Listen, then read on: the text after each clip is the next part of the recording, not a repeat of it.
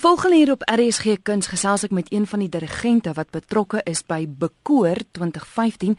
Is natuurlik daardie wonderlike koorkonsert waarvan jy al gehoor het hier op RSG. Dit vind die 15de Augustus plaas en die dirigent met wie ek gesels is Junita Lambregt van Duyk. Baie welkom hier op RSG Kuns Junita. Baie dankie. Hulle het my gevra om spesifiek met jou te gesels omdat jy glo die eerste vroulike dirigent is wat nou deel is van die bekoor. Ja, dit is nogal vir my um iets besonders dat dat hulle so aandag um uh, aandag gee aan 'n vroulike dirigent. Ek dink ons het nogal heelwat goeie vroue dirigente in ons land. Maar uh, ek, ons is baie dankbaar om daar te kom sing en ek is ek is so baie geëerd dat ons genooi is om by bekoor te kom sing ons koor uh, alhoewel ons baie uitnodigings oor see kry, kry ons nie so baie keer kans om in ons eie land te sing en dit is nou eintlik 'n wonderlike geleentheid. Vertel my gou meer van julle koor. Dis 'n koor wat jy gestig het, né? Um, ons het in 1994 met demokrasie het die universiteit uh, my gevra om 'n koor te begin. En uit die saak uit die aard van die saak was dit toe nou ehm um, multikultureel so so in daardie dae was dit nogal 'n groot uitdaging om 'n gemengde koor te begin en ek is baie dankbaar en trots om te kon te kan sê dat ons deur al die jare, dis nou ons 21ste jaar, dit is regtig net van krag tot krag gegaan en uh, ek ek is so trots op hierdie groep want ek ek voel dit so 'n wonderlike manier om om mense bymekaar te bring en en dit werk. En so ons het ons het 21 wonderlike jare gehad veral in hierdie laaste van 2007 af dat ons omtrent elke jaar 'n uitnodiging gekry om oor see te gaan sing. So ons is ons is gevoel nogal baie bevoorreg. Is julle 'n baie groot koor?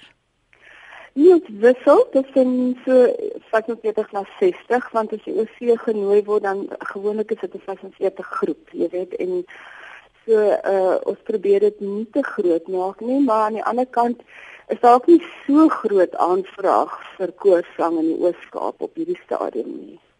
Maar julle is nou deel van die geleentheid bekoor, dis nou jou koor die Nelson Mandela Metropolitaanse Universiteitskoor en julle tree op saam met 'n hele paar kore in Stellenbosch.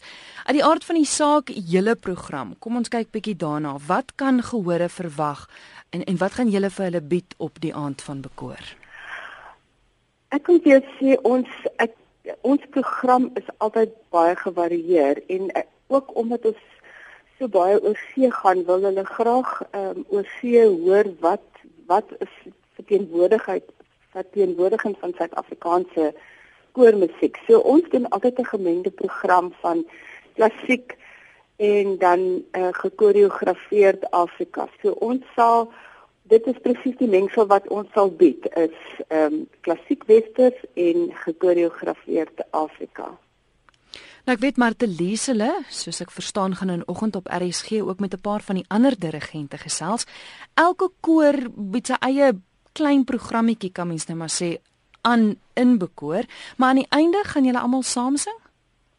Ja, ons gaan almal 'n uh, uh, Afrikaanse uh, uh, psalm saam sing en ek dink dit gaan wonderlik wees. Ehm um, dit is besonder 'n goeie kore en soos ek sê ons voel baie geëerd om deel te wees van so 'n program. Ek dink die Kaap-provinsie kan baie baie trots wees op die op die wonderlike koorsang. Ja, ek kan net dink al daai stemme saam. Ja. ja nee, ek dink dit dit kan 'n wonderlike ervaring wees want ek sê altyd vir my koorlede dit uh, as as jy saam musiek maak dit is so uniek uh, want wanneer jy teks en musiek kombineer is dit net it's magic.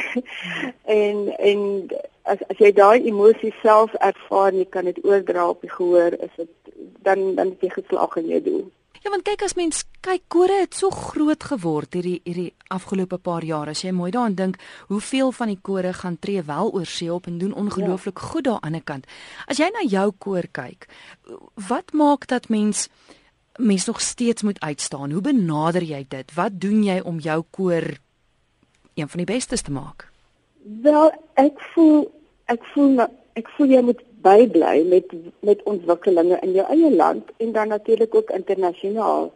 En dan voel mense wil elke jaar, jy wil elke jaar iets nuuts probeer. Jy wil jy wil gehore lok en ons het nogal ons doen nogal baie interessante kommersiële dinge. Ons het baie flash mobs, ek weet nie wat dit in Afrikaans is nie. Ehm um, ehm um, ons ons die, ons word baie keer nou genooi deur die private sektor om om te, om op te tree. So ons het 'n hele nuwe gehoor gewen op op die manier.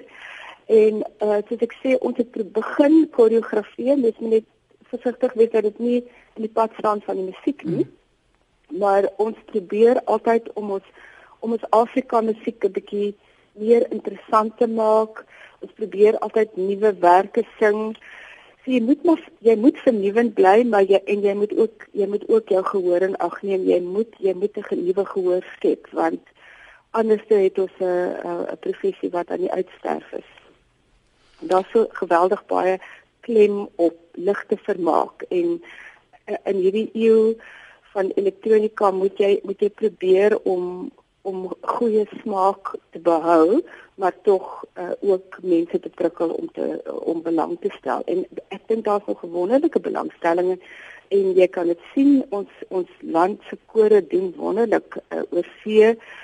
En ek is so bly dat dat ehm um, daar nou borge is om so koor fees aan te bied want dit is nogal iets wat ons dringend kort kom in ons land is borge om om goeie koorfeeste aan te bied om om koor sang te bevorder. En ek dink dit is so uitstekende medium vir jong mense vir, vir almal eintlik om om saam te kan musiek maak